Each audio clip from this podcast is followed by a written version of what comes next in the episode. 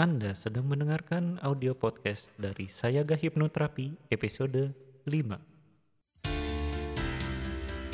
Selamat datang di serial audio podcast bersama Sayaga Hipnoterapi, institusi penyedia layanan hipnoterapi dan konseling profesional di Kota Bandung yang membantu penanganan berbagai masalah kesehatan, emosi, dan perilaku yang mengganggu kualitas hidup.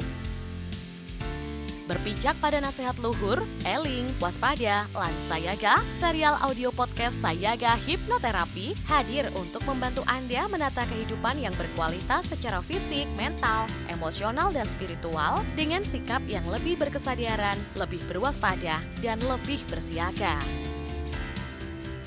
Serial audio podcast Sayaga Hipnoterapi menghadirkan inspirasi kehidupan yang diintisarikan dari berbagai keilmuan psikologi dan pengembangan diri yang juga diadaptasi dari kisah nyata para individu yang menjalani program terapi dan konseling bersama tim profesional dari Sayaga Hipnoterapi.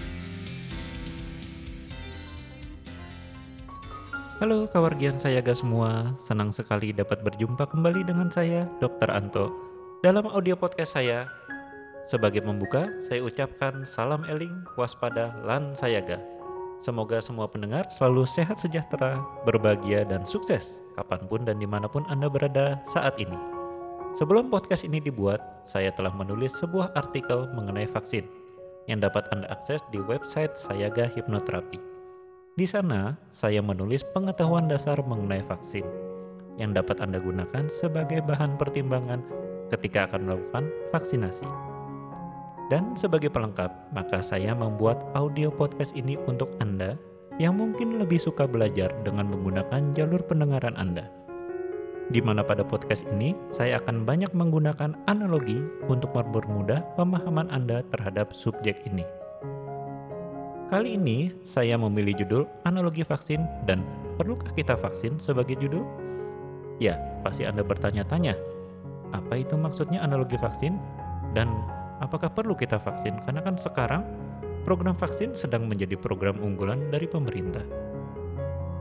Sebelum masuk ke pembahasan, saya akan menceritakan alasan kenapa mengetahui tentang vaksin ini saya rasa menjadi penting bagi kita, terutama dikarenakan oleh adanya COVID-19 ini.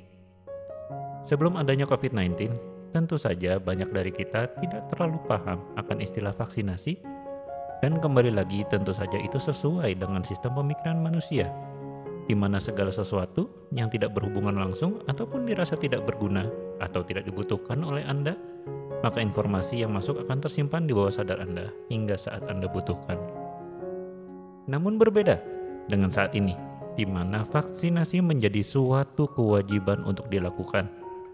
Maka, mau tidak mau, setiap individu pada akhirnya akan membutuhkan informasi mengenai vaksinasi ini, baik secara disadari ataupun tidak. Mungkin Anda secara umum sudah lebih kenal terhadap istilah imunisasi. Ya, bagi Anda khususnya yang sudah mempunyai keluarga, apalagi telah mempunyai anak, maka istilah ini tentunya sudah tidak asing bagi Anda. Sekilas akan saya bahas mengenai imunisasi dan vaksinasi di mana imunisasi adalah sebuah upaya untuk membuat seseorang menjadi lebih kebal terhadap penyakit menular tertentu. Di mana imunisasi sendiri terbagi menjadi dua, yaitu imunisasi aktif dan imunisasi pasif. Seperti yang telah saya jelaskan tadi, untuk mempermudah pemahaman Anda, maka saya akan membuat sebuah analogi atau sebuah cerita perumpamaan agar Anda dapat memahami dengan lebih sederhana. Baik, kita ibaratkan saja Anda akan bertanding tinju. Ataupun Anda bisa membayangkan jenis pertandingan lain, namun kali ini saya akan menganalogikan dengan pertandingan tinju saja. Ya, Anda bisa menganalogikan bahwa penyakit yang datang kepada Anda adalah lawan yang akan Anda hadapi di atas ring nanti. Tentu saja Anda akan membutuhkan persiapan. Jika Anda ingin untuk memenangkan pertandingannya, Oke, katakanlah kita akan melawan seorang legenda dalam dunia tinju, yaitu Mike Tyson. Atau jika Anda membayangkan sebuah pertandingan lain, maka bayangkan saja Anda akan melawan seorang profesional yang sudah tidak diragukan lagi kemampuannya dalam dunia pertandingan tersebut. Kembali lagi ke analogi kita. Anggap saja Anda sudah ditentukan atau mendapatkan jadwal pertandingannya. Maka, sudah saatnya Anda mulai mempersiapkan diri untuk menghadapi pertandingan tersebut. Hanya saja sebelumnya, sebetulnya ada dua pilihan sebelum Anda menghadapi pertandingan tersebut, yaitu Anda bisa menghadapi pertandingan itu sendiri dengan kemampuan Anda sendiri, atau Anda bisa menyewa atau mempekerjakan orang lain untuk tampil dalam pertandingan tersebut. Di atas ring, menggantikan Anda untuk melawan sang legenda dunia tersebut. Ya, seperti itulah imunisasi aktif dan pasif dapat Anda pahami. Disebut imunisasi aktif adalah apabila kita mengandalkan kemampuan diri sendiri untuk melawan penyakit tersebut. Sedangkan imunisasi pasif adalah ketika kita mendapatkan respon kekebalan dari orang lain melalui sebuah proses tertentu. Kembali ke analogi, tentu saja yang menjadi masalah adalah apabila suatu saat kita harus menghadapi pertandingan tersebut dan tidak ada lagi orang lain yang bisa kita andalkan untuk menggantikan kita dalam menghadapi pertandingan tersebut. Maka tentu saja kita berpotensi besar untuk kalah. Apalagi jika kita cenderung malah tergantung kepada pihak lain untuk menyelesaikan pertandingan, yang sesungguhnya mau tidak mau harus kita hadapi sendiri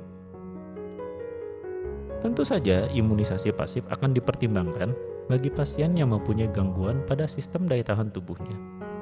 Untuk setidaknya membantu dalam melawan penyakit yang masuk hingga tubuhnya dapat mengkompensasi penyakit tersebut secara mandiri. Oke, kemudian kita masuk kepada istilah vaksinasi. Ketika kita sudah memutuskan bahwa kita akan menghadapi pertandingan tersebut, maka tentu saja kita membutuhkan sebuah program pelatihan Nah, sebelum dilanjutkan, tentu saja sudah selayaknya kita memikirkan sudah sejauh mana persiapan Anda dalam kehidupan sehari-hari Anda untuk menghadapi pertandingan seperti ini. Karena tentu saja kondisi fisik dasar masing-masing individu akan berbeda tergantung seberapa baik persiapan tersebut. Nah, vaksinasi masuk ke dalam imunisasi aktif di mana pada analogi ini vaksin berperan sebagai lawan latih tanding sebelum menuju pertandingan yang sesungguhnya. Seperti itulah vaksin berperan, di mana vaksin memberikan gambaran ataupun informasi mengenai bagaimana lawan yang akan dihadapi pada pertandingan sebenarnya nanti. Harapannya, tentu saja tubuh kita akan terbiasa ataupun telah mengembangkan suatu strategi untuk menghadapi lawan tersebut. Jadi, sampai di sini paling tidak Anda juga telah memahami bahwa respon tubuh sangat berperan dalam keberhasilan program vaksinasi ini. Berbeda dengan minum obat pada umumnya, di mana obat yang bekerja untuk meredakan suatu gejala atau bahkan menyembuhkan infeksi penyakit tersebut. Pada vaksinasi, respon tubuh terhadap vaksin tersebutlah yang akan menghasilkan peningkatan daya tahan terhadap suatu penyakit tertentu. Ya, seperti yang telah dijelaskan dalam analogi barusan, vaksin menjadi lawan latih tanding ataupun bisa diibaratkan seperti sebuah simulasi sebelum tubuh menghadapi kondisi yang sebenarnya. Tentu saja, pada akhirnya nanti tubuh tetap harus teruji mengalami kejadian yang sebenarnya untuk benar-benar memiliki kekebalan terhadap penyakit tertentu. Nah, jenis vaksin yang ada saat ini pun beragam. Sama seperti kita dapat memilih seperti apa tipe lawan latih tanding yang akan kita hadapi sesuai dengan kondisi tubuh Anda saat ini. Akan saya analogikan beberapa vaksin dalam audio podcast ini. Tentu saja jenis vaksin yang sering kita dengar dan sesuai dengan apa yang saya ketahui. Namun saya selalu sampaikan dan saya ingatkan kepada Anda agar tetap mencari informasi lebih selain dari apa yang saya bagikan. Karena makin banyak Anda tahu, maka akan lebih baik untuk Anda tentunya. Kita masuk kepada analogi vaksin pertama yaitu Sinovac. Tentu Anda sudah sering mendengar tentang vaksin yang satu ini. Sinovac dibuat dari jenis virus yang dimatikan Maka sesuai dengan keterangan tersebut, anggap saja kita berlatih untuk melawan Mike Tyson dengan cara bermain video game. Misalkan, video game tinju yang telah diisi data lawan kita tersebut. Dengan cara ini tentu saja disinyalir paling aman, di mana kita mendapatkan informasi secara tidak langsung dalam situasi yang terkendali.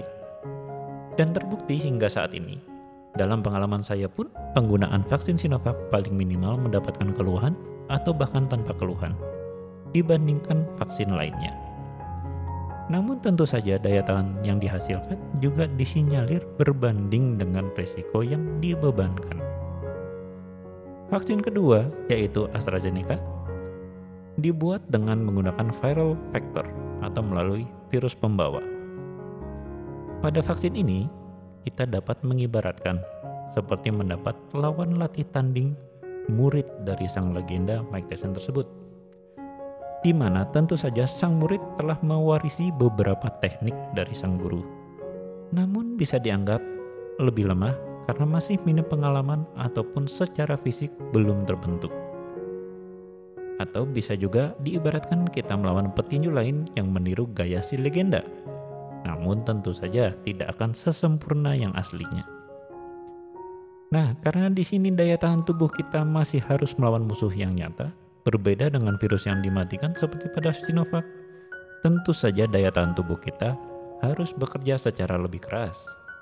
Namun kembali, secara teori, daya tahan tubuh yang dihasilkan disinyalir akan lebih tinggi.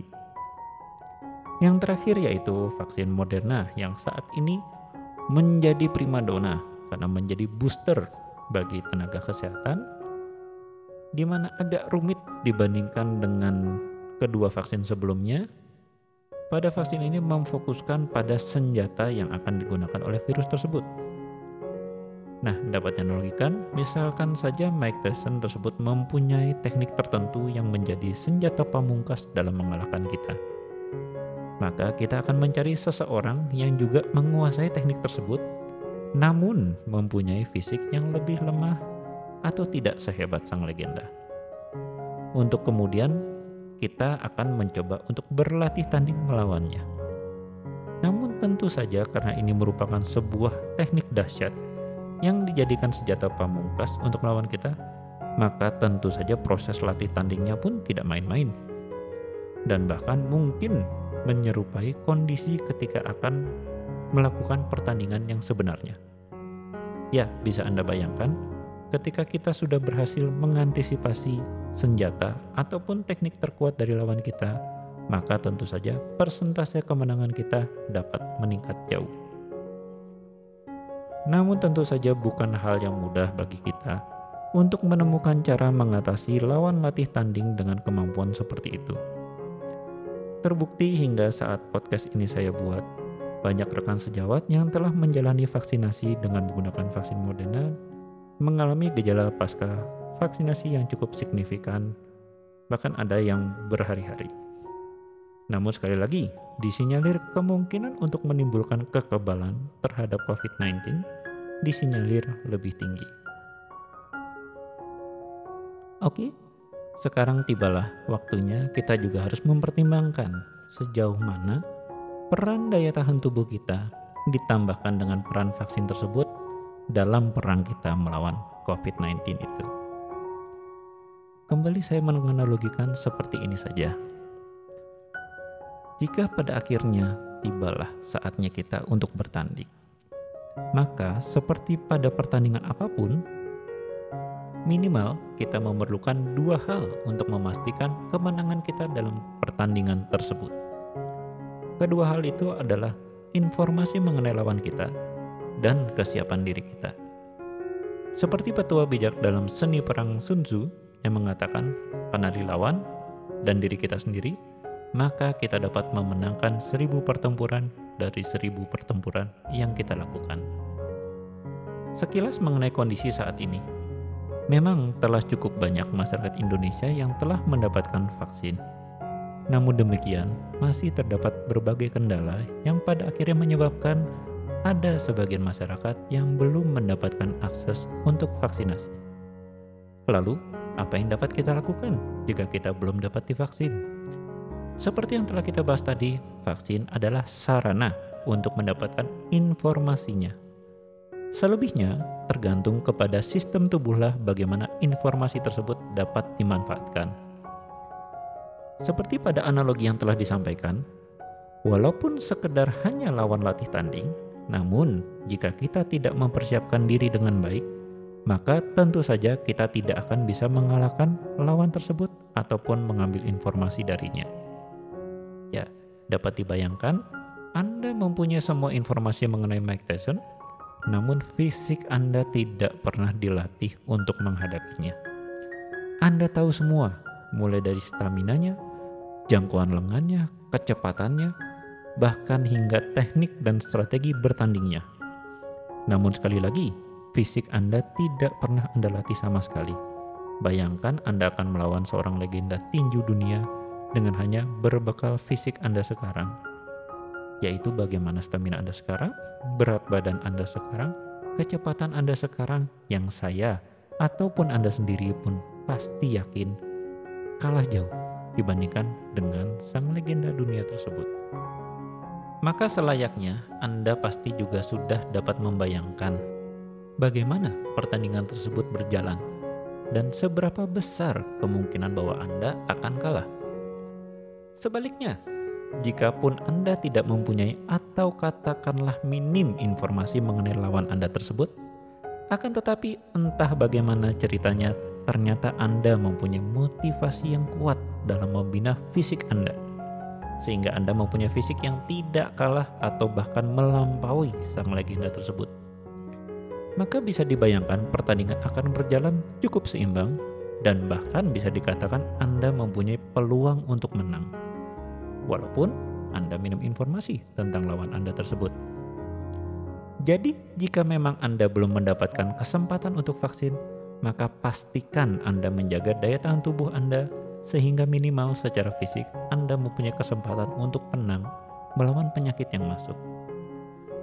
Namun tentu saja seperti yang telah saya sampaikan sebelumnya, jika kita mempunyai informasi mengenai lawan kita dan kita mempunyai fisik yang cukup kuat untuk melawannya, maka bisa dipastikan kemungkinan kemenangan kita bisa mencapai 90% lebih atau bahkan 100%.